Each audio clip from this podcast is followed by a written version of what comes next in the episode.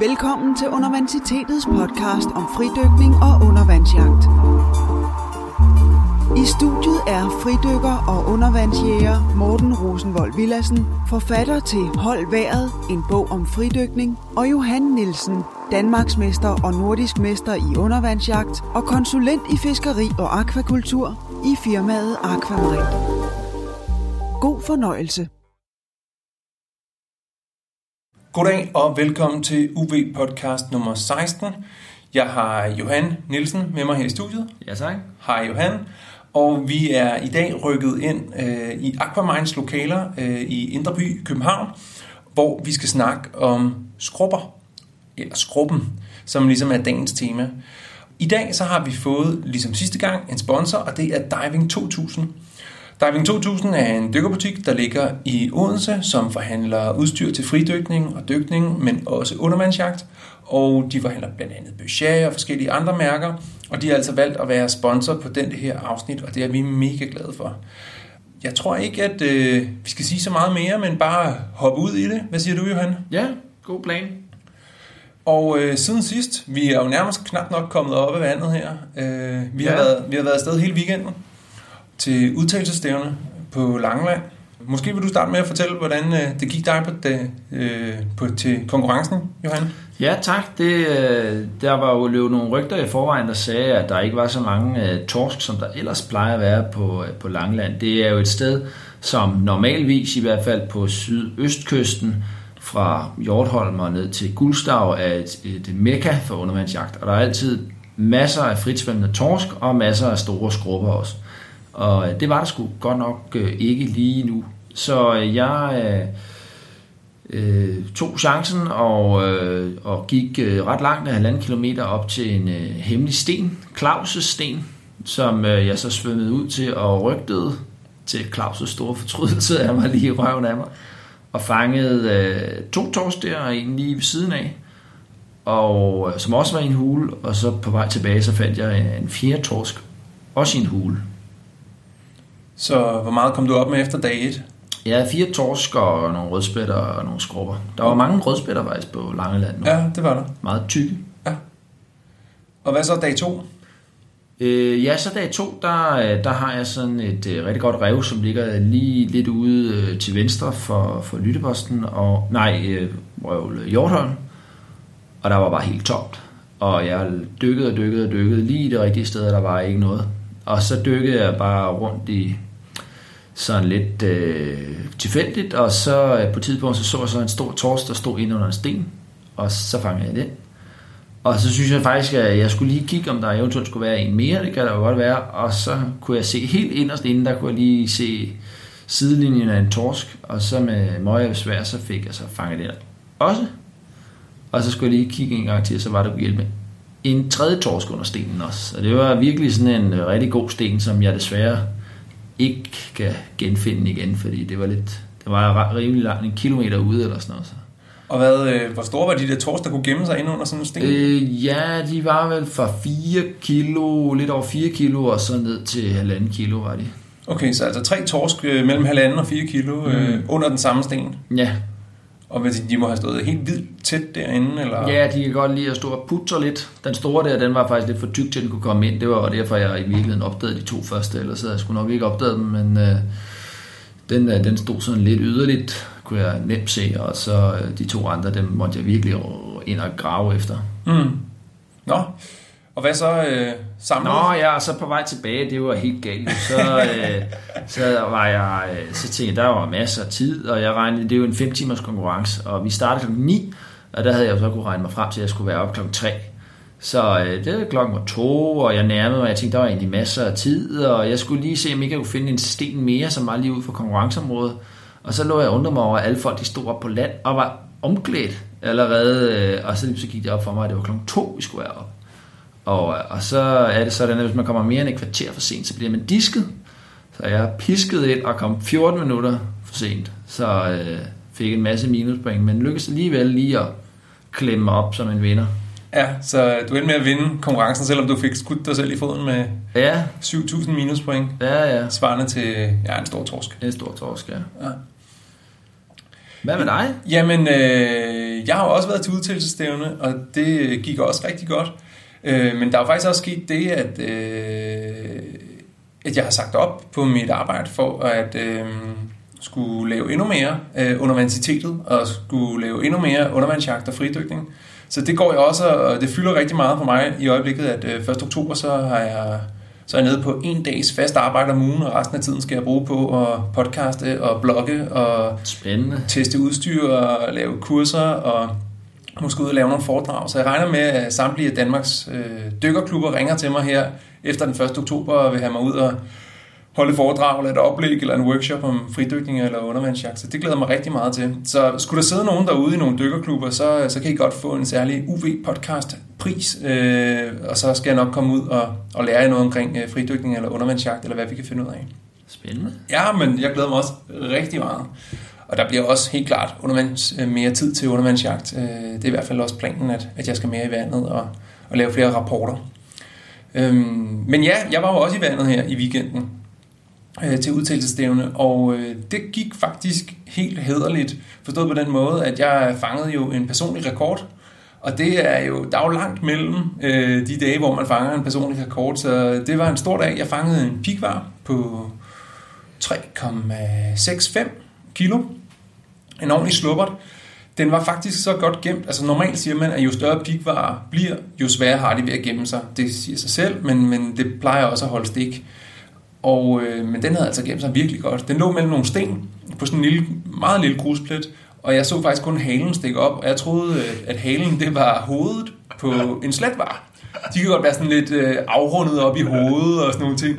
Så jeg tænkte, nå, der ligger en sletvar. Det ser lidt skørt ud, men det er helt tydeligt, der er en fisk. Det er, det, det er, nok, det er en sletvar der, der er hovedet. Nå ja, okay. Og så stak jeg den derop ved halen, og så begyndte den at svømme, øh, ligesom den forkerte vej, og hele bunden rejste sig indenunder mig. Mm. Og så var det altså en ordentlig slupper, der en pik var. Øh, Det er fandme sjovt. Vores tanker går til Varhjalte her, når Morten han, han stikker en stor bigvar lige i numsen. Ja. Så ja, nej, det var fedt. Altså, Ja. ja. det, og det bliver man jo helt vildt glad for. Altså, jeg har dykket mange gange på Langeland, og man snakker jo meget om de store pikvarer på Langeland, men det er altså første gang, jeg har fanget en, der, der er værd at snakke om. Den Men var det- jo stor. Ja, den var rigtig stor flot. Øh, vi var jo selv afsted, du og jeg, øh, ved Tranekær Fyr for, det må være to år siden, Ja, øh, hvor vi fik både, øh, du fik en stor pikvar, jeg fik en øh, stor sletvar, som vi prallede øh, godt og grundigt med. Men øh, nu var det min tur til at få en stor pikvar. Det var rigtig fedt. Og så øh, udover øh, den der store pikvar og lidt rødspætter og lidt skrubber, så fandt jeg en, en torsk på lidt over 4 kilo op ved lytteposten. Den stod faktisk frit. Det var en af de få torsk til konkurrencen, der stod frit. Den stod selvfølgelig op af nogle sten og så videre, men, men den var ikke inde i en hule. Og den, øh, ja, det var et relativt nemt øh, fisk at få. Den store sov, så jeg skød den bare. sikkert skud i halen. Nej, det var, det var noget et ret godt skud lige, øh, lige i nakken.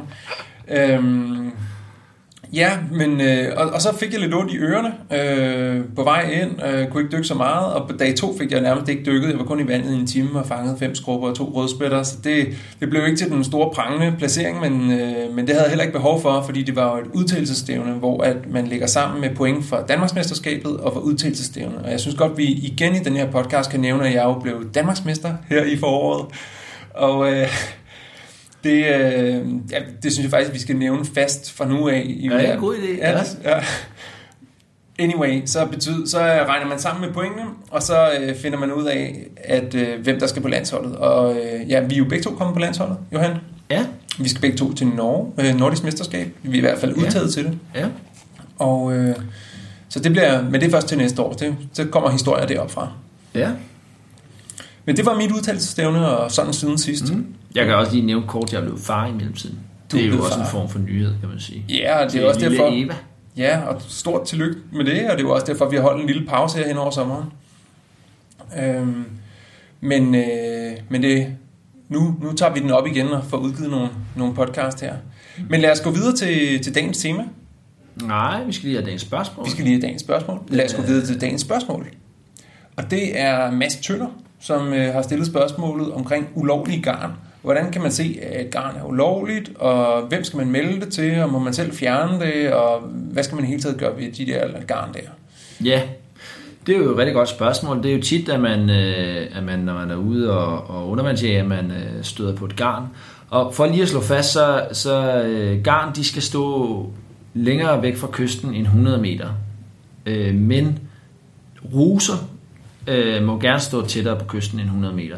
Og et garn, det er lavet af tynd fiskelin, der er gennemsigtig, hvor fisken så svømmer ind og sætter sig fast i gælderne. Og ruser er ligesom lavet af sådan noget tyk spundet stof, hvor de bliver ledt langs en, øh, et redgarn, og så ind i sådan en, en ruse og bliver fanget. Så det er forskellen på, på garn og ruser, og ruser må altså gerne stå helt oppe i strandkanten. Og de må også godt, altså de står, ruser står nede på bunden, ikke? Jo, det gør garn også. Som Nå, det gør regel, i garn også. Ja, de kan også godt flyde, men øh, som regel står de på, på bunden. Og øh, som fritidsfisker må man fiske med tre garn, max på 45 me- meter hver, og erhvervsfisker må fiske med ubegrænset antal garn. Så hvis man ligesom kan se den ene bøje, og ikke kan se den anden ende af bøjen, så er det sandsynligvis en erhvervsfisker. Og øh, Hvad gør man, når man ser sådan en... hvis man ser et garn, som står tættere på land end 100 meter, det er typisk det, som øh, man vil øh, kunne, kunne støde på, ikke? hvor det bliver sat ulovligt efter ørder eller multer eller så videre. Så kan man anmelde det til øh, anmeldelse.naturerhverv.dk og vi vil lægge et link op øh, i forbindelse med podcastet her. Yes, vi går bare ind på uvpodcast.dk-16, og så ligger alle de links, som vi snakker om i løbet af udsendelsen, de ligger derinde. Og man må ikke fjerne det selv. Nej. Det, er- det er selvtægt, øh, så, øh, så det må man ikke. Man må kun anmelde det. Og øh, ja, det er det. Og man skal lige være opmærksom på, at det ikke er en ruse, man anmelder, fordi så gør man jo mere skade end gavn ved at jage fiskerikontrollen rundt i landet efter noget, som i virkeligheden er lovligt. Ja. Så, øh, så det, var, det var dagens spørgsmål, og, og tak for det. Og vi vil gerne opfordre til, at I bliver ved med at sende øh, spørgsmål ind til os, så vi har øh, noget, som er relevant for, for jer at svare på. Mm. Og øh, Så er vi jo kommet til temaet, det er jo undervandsjagtens rugbrød. Ja. Skrubben. Lige præcis. Og hvor finder man skrubberne hen, Morten? Jeg synes, vi skal starte lidt med, øh, hvad, hvad det er for en fisk. Åh oh, ja. Ja, vi, vi sad lige og googlede det latinske navn, og nu vil jeg, nu vil jeg tage en, øh, en, en, hvad hedder, en ædruelighedstest. Den hedder Lysensos. Det hedder Platitus flesus. Flesus. Platitus. Platictus flesus. Ja, man, kan, man kan lige google skrubbe øh, på latin, hvis man vil have den, mm. men, men det er jo sådan, at alle arter har jo latinske navne, og de, de er, Nogle nemmere end andre. den er svær. Det er, øh, det er jo faktisk en fisk, som øh, i høj grad lever sådan i de indre danske farvand. Den er udbredt fra Bornholm, og så hele vejen ud i Nordsøen også. Men den er klart mest almindelig i, i Østersøen og bælterne, og så den inderste del af, af Kattegat, altså ude i Nordsøen, øh, der er den meget sjælden. Og Men så kan- også typisk øh, almindelig i fjordene. Kan man kalde det sådan en brakmans? Øh, Ja, det vil jeg sige, at man godt kan sige, at det er en brakmans øh, fladfisk, og den er jo udbredt hele vejen op til Finland, hvor den også er en højt skattet, øh, skattet fisk. Og det er også noget med, at den kan gå op i søer og åer og sådan Ja, noget. den kan leve i helt rent øh, ferskvand, og øh, blandt andet Flyndersø er opkaldt efter, at der er på et tidspunkt nogen, der har fanget en flynder, Ja, ja. en skrubbe i, øh, i den sø, så øh, En, Ja. En, dansk. Den må, må, må virkelig føle sig hjemme i Danmark, tænker man, ikke? Ja, der er i hvert fald meget øh, brakvand, i hvert fald i Indre. Altså, men som sagt, i Nordsøen er den, er den også, men ikke særlig almindelig, og virker heller ikke rigtig til at trives. Den bliver ikke lige så stor. Mm. Jeg vil sige, det er specielt bælterne, der, der kan man virkelig Sydlangeland, Als, øh, det, det område der, sydlige Øresund og sådan noget støde på nogle Storebælt. ordentlige lagvander. Ja, Storebælt også. Ja. Øh, virkelig store. Og øh, rekorden er jo øh, blevet taget af savnomsbundne Ejner for, øh, for Als med en ordentlig plade på 2,3 kilo. 2,3 kilo Ejner Poulsen fra mm. Als. Vi kan anbefale, at man går ind på forbundets hjemmeside og jagter billedet. Lige præcis. Han har også øh, rekorden for rødspætter, og den er også taget nede i samme område. Han, Ja. ja. han får fanget nogle store fladfisk. Øh, ja, og hvor lever den så henne? Altså udover den lever øh, i, i indre danske farvande, så er det jo også en fisk, som lever på relativt lavt vand. Og det gør den jo meget velegnet for undervandsjæger, og jeg vil tro, at de langt de fleste undervandsjæger er startet med at fange en skrubbe som den Mm. første fisk. Mm. Og det er måske også... Øh, Måske også de første 10 fisk har også været skrubber for de fleste undervandsjæger. Og, øh, men, men med stød på den, altså to meter, ah, sjældent gang helt ind på en meter og så videre, men altså lige en lille smule dybde på, så den er fri af bølgerne. Og så, øh, så kan den altså ligge der, og så derudaf ind til en 8-10 meters dybde eller sådan noget. Og så er det, der sker et skifte der omkring øh, 10 meters dybde, så begynder nogle steder i hvert fald rødspætten at tage over, eller nogle af de andre fladfisk at tage over. Så lidt dybere, så isinger og rødspætter og sådan nogle ting. De begynder at fylde lidt mere. Men øh, det er sådan en lav, lavtvands, øh, brakvandsart, vi har at gøre med her. Mm. Og en meget almindelig fisk, som i virkeligheden ikke øh, bliver fisket særlig meget af erhvervsfiskerne, fordi de øh, ikke rigtig kan sælge den. Mm. Eller den har i hvert fald en meget lav pris. Så, så bestandsmæssigt øh, er der virkelig mange skrubber, og øh, vi kan gå en anbefale til, øh, hvis man skal fiske til, til fryseren, til lange vinteraftener, og til naboen og til mormor og så videre, så, øh, så er det bare med at gå løs i skrubberne. Det kan man gøre med god samvittighed, Ja. øh, og øh, Og den smager godt. det smager også rigtig godt, ja. Og jeg kan også sige, at hvis man, hvis man nu sidder her derhjemme og tænker, at de sidder der og snakker om, at der er så mange skrubber, men jeg kan ikke finde dem. Så skal man gøre det, at man finder et sted, hvor der er muslingerev eller stenrev. Og så skal man finde stenrevet, og så skal man følge kanten af stenrevet. Fordi det er typisk sådan, at vi har så meget sand i Danmark, så der er næsten, hvis du når til kanten af et stenrev, så ligger der sand. Skrubberne kan gemme sig i sandet, og de kan finde føde på stenrevet. Så det er typisk, at de ligger lige i kanten af stenrevet, hvor maden er, men i sandet, hvor de kan gemme sig lidt, for de kan godt lide at grave sig ned. Så, øh, så hvis man finder sådan en stenrev, eller det kan sådan set også være en tankbevoksning, hvor der er, ligesom er en kant, så kan man følge den kant hele vejen, og, øh, og så vil man øh, i den grad forøge chancerne for at, at Mm. finde en skrubbe. Men de kan altså godt gemme sig noget. Altså, men det kræver lidt øh, træning at få øje på en skrubbe. Det, øh, altså jeg vil sige, nu, nu vi glider lige over i øh, teknikken her, og det, ja. det som er fiffet, når man starter, det er, at man skal være så tæt på bunden, så man kan nå bunden med fingrene. Selvom man tydeligt kan se bunden sådan 2-3 meter øh, væk, så øh, specielt som nybegynder, så overser man simpelthen øh, fladfiskene. Øh, og ikke kun øh, skrubber for den sags skyld. Så derfor så gælder det om, at jo tættere på bunden man er, jo nemmere er det at se dem. Og øh, så man skal svømme, sådan så lige fingerspidserne kan nå sandbunden, så er man så tæt på, at også nybegyndere vil spot skrubberne. Nogle gange er det faktisk nemmere, i stedet for at se selve fisken, så kan man ligesom i sandet se øh, en farveskift, som er sådan øh, ruderformet, altså der hvor, fordi når skrubben den vivler sig ned i sandet, så, så vivler den så de fine slampartikler væk, så det ligesom bliver lidt øh, enten lysere eller mørkere, der hvor den lige ligger sig. Og ser man sådan et sted, så kan, det godt lige, så kan man godt lige prøve at pirke til det med harpunen og se, om ikke der skulle være en, en skrubber, der gemmer sig dernede. Eller andet stor bigvar måske. Eller en stor Så kan man, nævne, så kan man hurtigt stikke den i halen. Ja, og øh, ja, vi kan sige, at, at, at skrubber kan godt lide muslinger, og muslinger kan godt lide strøm, så det er også ok, hvis man er et sted, hvor der er en, løber en lille smule strøm. Det kan måske godt skræmme lidt begyndere væk, men det skal man ikke være bange for. Hvis bare vandet flytter sig en lille smule, så ligger der også nogle muslinger og filtrerer noget vand, og så er der også nogle skrubber, der spiser muslingerne. Mm. Kan, vi, kan, vi kan, du komme lidt nærmere, Morten? Kan du komme kom med fem af dine bedste spots til skrubber? Jeg tror, det bedste spot, jeg kender til skrubber, det er Halskov Rev. Øh, det er et rev, der løber parallelt med Storbæltsbroen på Sjællandssiden, lige syd for Storbæltsbroen. Altså vi snakker sådan 200-300 meter syd for Storbæltsbroen. Mm. Øh, der bliver der en 2-3-4 meters dybde, og der ligger der rigtig mange skrubber. Ja, Øh, det er rigtigt. Det er et godt sted. Så et andet godt sted, det kunne være... Øh, hvad var det, jeg tænkte på? Nå jo, men det er, sådan, det er særligt til lidt større skrubber. Det er ikke et klassisk skrubbespot, men der er, der er generelt store skrubber, og det er på Stævns. Øhm, og det er ved det nye kalkbrud, altså det et kalkbrud, som er aktivt. Der er sådan et transportbånd i området omkring det transportbånd, cirka Ja, det, der hedder holdtu. ja, tæt på. Tæt på. Øhm, der, ligger sådan, der ligger sådan en, de har bygget sådan en transportbånd ud i vandet. Mm. Og på cirka 100 meter øh, på hver side af det, der er der også godt til store skrubber. Specimen. Ja, ja, lige præcis. Skrubber. man fanger de rigtig store gamle skrubber, så er det der. Ja. Øh, og så er der jo ellers, øh, vi har jo Als, Ja. øh, som, som et andet øh, sted. Jeg vil tro, at Pølsrev holder nogle, nogle fine Ja, fisk. Og ja. vi, vi har selv øh, ligget og dykket i øh, området mellem Bøjden og Fynshav øh, Mhm. til nogle mesterskaber nogle gange. Der var også nogle store skrubber. Ja. Langeland, Ja, det er et godt sted.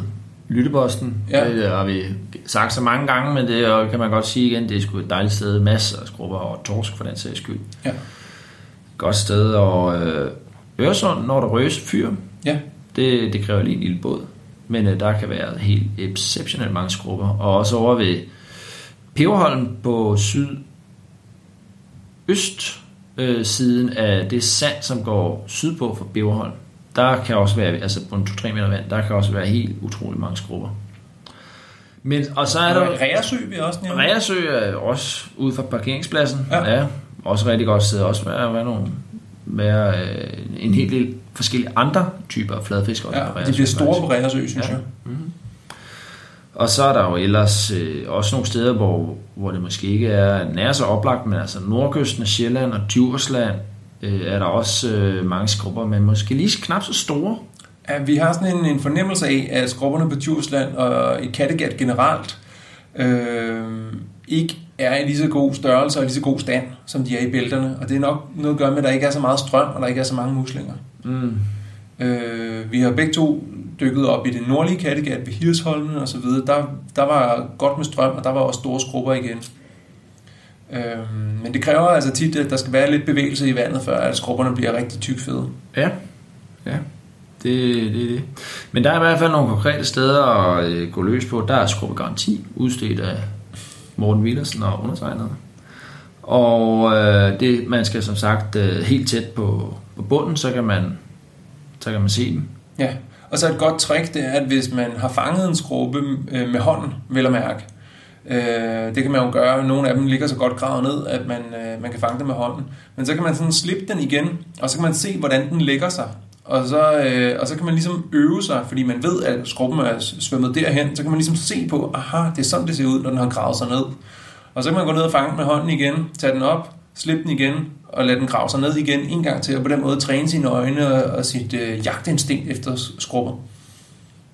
Ja, og øh, jeg vil sige, at det der med, med skrubber, det er meget fra, fra juni af, og så frem til, til december, fordi der sker det, at i, øh, i det, se, den sene vinter, i januar og februar, der gyder skrubberne ud på lidt dybere vand, og der har de så brugt al deres energi på at gyde. Så bagefter, når vi lige starter med at undervandsjage i april, øh, måske nogen først kommer i vandet til maj, så er de altså slatne. Så er der virkelig ikke meget øh, kød på dem, og og man kan mærke tydeligt ryggraden øh, igennem, øh, det er nærmest ikke andet end sådan en sæk øh, ben. Ja, og jeg vil faktisk sige, at det er næsten en, en klassisk begynderfejl. Jeg vil faktisk gerne, ja, det er faktisk en fejl. Det der med, at man, man starter op i april og får noget nyt grej og så videre, og så tror man, at man skal ud og, og fange en masse lækker fisk, og så ligger der nogle skrubber, og de ligger helt stille, fordi de er helt slat, Der slatne. har de ikke engang kræfter til at svømme. Nej, præcis. Og så fanger man øh, 10-20 skrubber til fryseren, og det kommer man altså til at fortryde. Ja. Dem, dem skal man lade, lade ligge simpelthen og vente til juni, øh, og så gå efter nogle andre arter indtil da, også selvom der er lidt længere mellem øh, fiskene. Mm. Det er i hvert fald ikke der, man skal fiske til fryse. Men jeg siger nu her, altså nu er vi så i, i september nærmere os, om ikke så længe er det oktober, og så øh, der, der er virkelig, det er virkelig nu, man skal, skal fange skrubberne. Der, der er filéerne så tykke, så de ligesom, der er en stribe i midten ved ryggraden, hvor det går nedad, fordi Mm. filéen er så tyk, øh, hvorimod om foråret, der, der går det sådan ligesom opad i midten, fordi der ikke er nogen filet. Og du har et par gode opskrifter. Ja, men altså, når man har fanget en skrubbe, så, øh, så, så, så starter med at tage fat i, i hovedet, og så skære fra rygsiden, altså der, hvor man ligesom, der er en blød side, hvor der er indvold, og så er der en, en rygside. Man skal ligesom forestille sig, at skrubben den er en fisk, der ligger på siden. Så skærer man gennem rygsiden og gennem ryggraden, og så kan man ligesom hive hovedet af sammen med alle indvoldene, så er den renset. Det er en utrolig nem måde. Og øh, når man så har renset den, så, øh, så lægger man den ned med, med det hvide opad, og så skærer man så på, på rygsiden gennem finden, gennem første lag hud og finden, men ikke gennem ligesom det sorte lag skin, som er på rygsiden. Og øh, det kræver lidt øvelse, og det kræver også et par hvide havehandsker. Men øh, når man så lige øh, tager fat i det, så kan man faktisk hive hele øh, frakken af, af skruppen. Det kalder man at flå fladfisken. Det kræver lidt øvelse, og det er lidt svært at forklare. Det er lidt nemmere, hvis der er nogen, der lige kan vise det. Men øh, når man så har flået fladfisken, eventuelt på, på begge sider, så er den mest klassiske opskrift, det er bare øh, at vende den i romel, og så stege den på panden med benet på. Det er en af mine personlige favoritter. Jeg har lige fået det i forgårs faktisk, fra nede fra Langeland. Og øh, man kan eventuelt med en saks lige klippe øh, lidt tættere til, øh, til fileten, end, øh, end man normalt gør, fordi ude i kanten, der sidder sådan nogle små fimreben, som man alligevel ikke rigtig kan spise. Så hvis man ligesom klipper helt tæt op af fileten, så opnår man det, at der kun er øh, en, en ryggrad i midten med nogle sideben på, og så det hele hænger ligesom sammen. Så bliver det også meget børnevenligt, der er ingen risiko for, for ben. Man kan også lade filtrere den, og øh, øh, som, som sædvanligt, og så vente med rumel og stege med olie, det er også rigtig lækkert, så er der slet ingen ben. Og de der fileter, når de så blev kolde, så er min, det er min mors opskrift. Det er jo selvfølgelig meget øh, legendarisk øh, opskrift. At hvis man så tager og lægger den i, i olie, olivenolie og med noget rødvinseddik i, og så med noget sådan snittet løg og sådan lidt forskellige laverblade og sådan noget, så bliver det ligesom sådan noget øh, sild i eddike, og, øh, og det spiser man så koldt på rugbrød, og det er, det er helt fantastisk. Det er virkelig, det er virkelig lækkert. Det er som sådan en frokost, frokostret, som jeg virkelig kan anbefale. Og så den sidste ting, jeg vil nævne, det er, det har jeg så godt nok ikke selv prøvet, men nu har min far lige købt sig en rygeovn. der, og i Finland, der er den mest øh, anerkendte måde at, at tilberede en skrubbe på, det er, at man ryger skrubben uden, altså den er ikke flået, den er med øh, skin og ben, selvfølgelig hovedet er pillet af. Og så når den er røget, så lægger man den så i en saltlag i 10 minutter, og så, så saltet ligesom trænger lidt ind, altså mens den er varm, og så tager man den så op af saltlagen, mens den stadigvæk er varm, og spiser den med nye kartofler til. Og det skulle efter med øh, Morten og jegs øh, fælles ven Kim Jattinen. Dr. Kim Jattinen. Være øh, den bedste måde at spise en skorpe på. Ja, og Kim Jattinen er jo en af Finlands øh, legendariske undervandsjæger, som ja, han, er, han er helt deroppe øh, ved siden af Matti og har, har næsten vundet det hele øh, rigtig mange gange efterhånden. Også vundet nordisk mesterskab mm. og finske mesterskaber. En rigtig, rigtig dygtig fyr. Og flink fyr. Og ekspert i æderfugl. Det er Dok- rigtigt. Doktor i æderfugl, faktisk. Ja. Så er der også nogle andre... Øh, nogle gange så, så fanger man en skrubbe med røde pletter, Morten. Hvad, hvad er det for noget? Jamen, øh, du tænker på, øh, du tænker på rødspætter. Fordi at øh, der er mange, der, der ligesom tror, at, at når de har fanget en skrubbe, der har, har røde pletter, øh, så har de fanget en rødspætte. Og det kan man godt forstå, men sådan, at man tænker, men sådan er det faktisk ikke. Det er to forskellige arter, og rødspætter er markant anderledes end skrubber. Øh, og det kan være, at du som biolog skal komme ind på øh, de tre klassiske eller fire klassiske kendetegn, der ligesom er i forskel mellem skrubbe og, og rødspætte.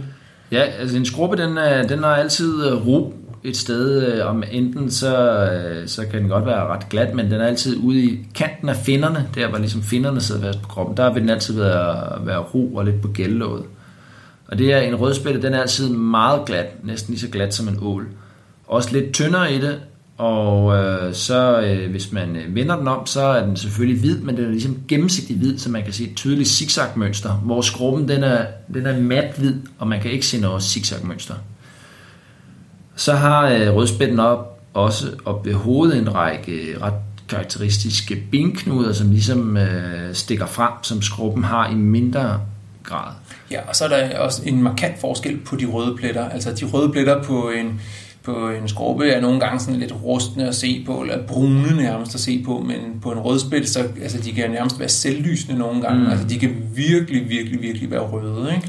Men problemet er jo også lidt, at de er jo nogle liderbasser der til i februar, så Altså, det går nogle gange lidt hurtigt, ikke? Så det er i, når det mørke vand, så, så det er jo også en af grundene til, at det er lidt svært at kende forskel. Ja, de, de, de, simpelthen, de passer på kryds og tværs, og så ja. Kan man få en 25% øh, rødspæt, eller 50% skrubbe, eller hvad det nu kan være. Mm.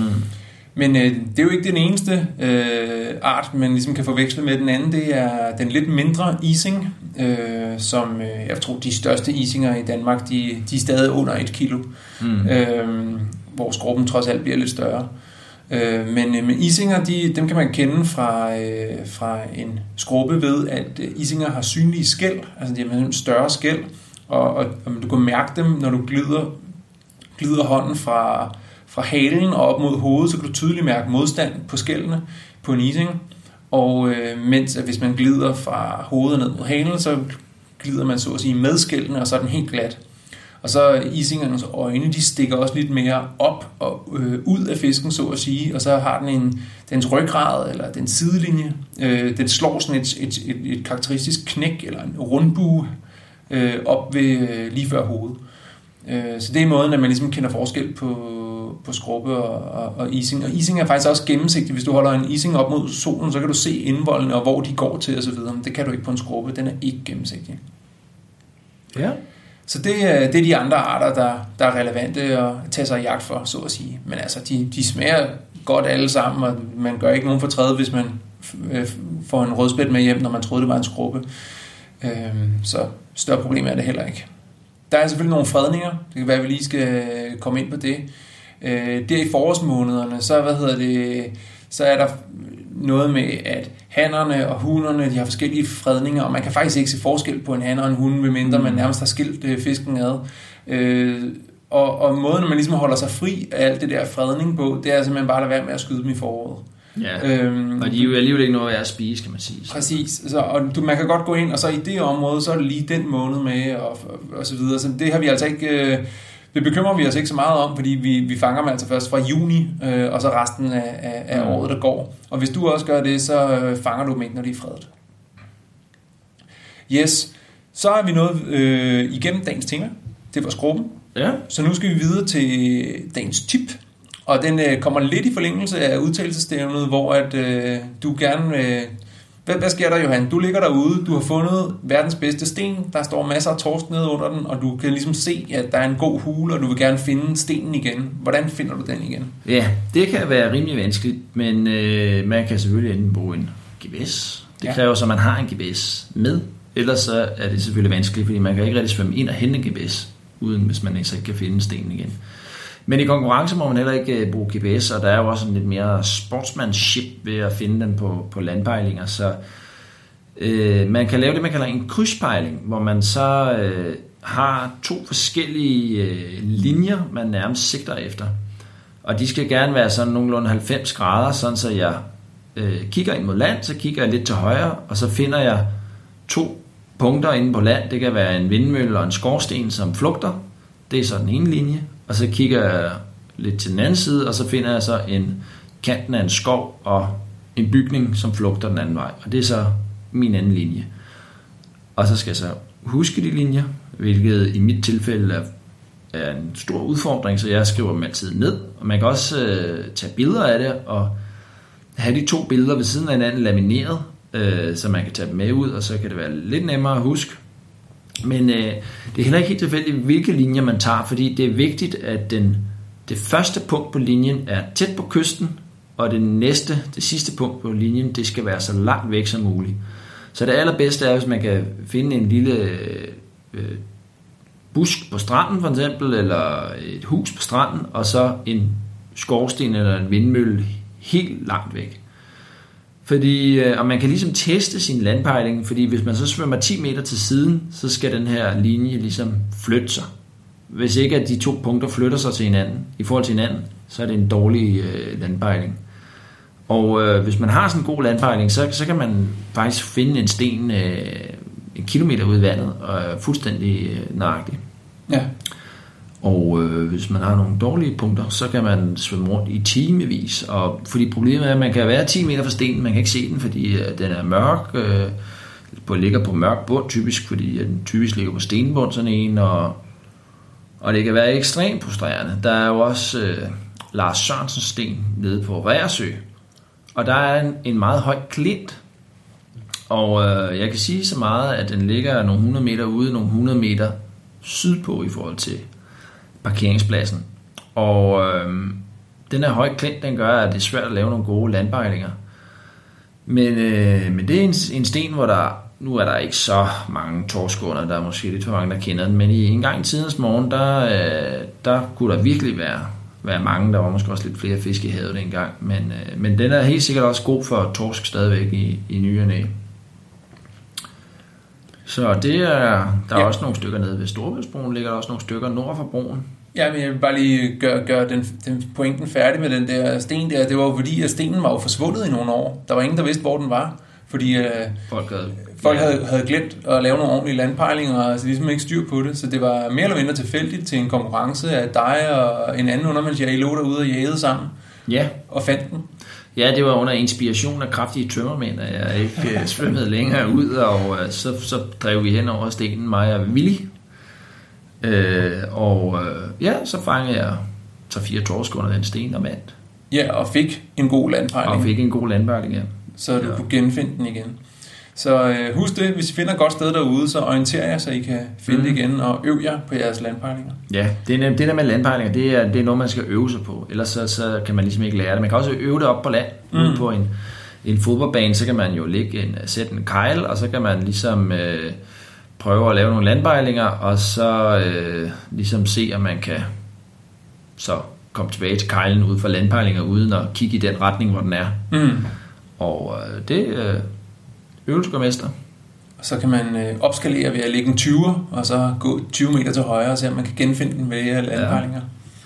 Yes, men øh, det var dagens tip, Ja. og det betyder, at vi er igennem udsendelsen. Øh, Du skal lige gå en runde med hatten, morgen. Ja, det er rigtigt, fordi at øh, man kan jo støtte UV Podcast, og det gør man øh, inde på uvpodcast.10.dk, hvor man kan indtaste, øh, at man vil give 2 kroner, eller 10 eller 20 øh, per udsendelse, og så bliver det automatisk trukket fra ens kort. Eller man kan være en af dem, der hellere vil betale med MobilePay, og så er det altså nu, at man skal tage sin telefon frem, og så kan man indbetale til 27 21 90 43, og når man har gjort det, så siger vi mange tak, og så lukker vi dig ind i en særlig VIP Facebook-gruppe for UV Podcast Supporters, hvor vi lægger ekstra materiale ud, og man kan stille direkte spørgsmål og, og sådan nogle ting. Så, øhm, så hvis du er en af dem, der gerne vil være med der, eller du er bare en af dem, som allerede er der i forvejen, så, øh, så er det en mega fed ting, vi har kørende derinde. Så tag, tag din MobilePay, eller tag øh, ind på uvpodcast.10.dk, og så øh, får du klaret ærterne, og vi siger mange tak, og du er selvfølgelig velkommen til at lytte til UV Podcast, om du støtter os eller ej. Det er bare fedt, at I er derude og liker på Facebook, og øh, bakker os op og skriver os mail og skriver spørgsmål, så det er vi rigtig glade for. ja. Ja, Tak for det. tak for det. Tak fordi du lyttede til Universitetets podcast. Husk, at du altid kan læse mere om udsendelsen og se fotos på uvpodcast.dk. Her kan du også høre de andre podcasts og læse artikler om fridykning, snorkling og undervandsjagt.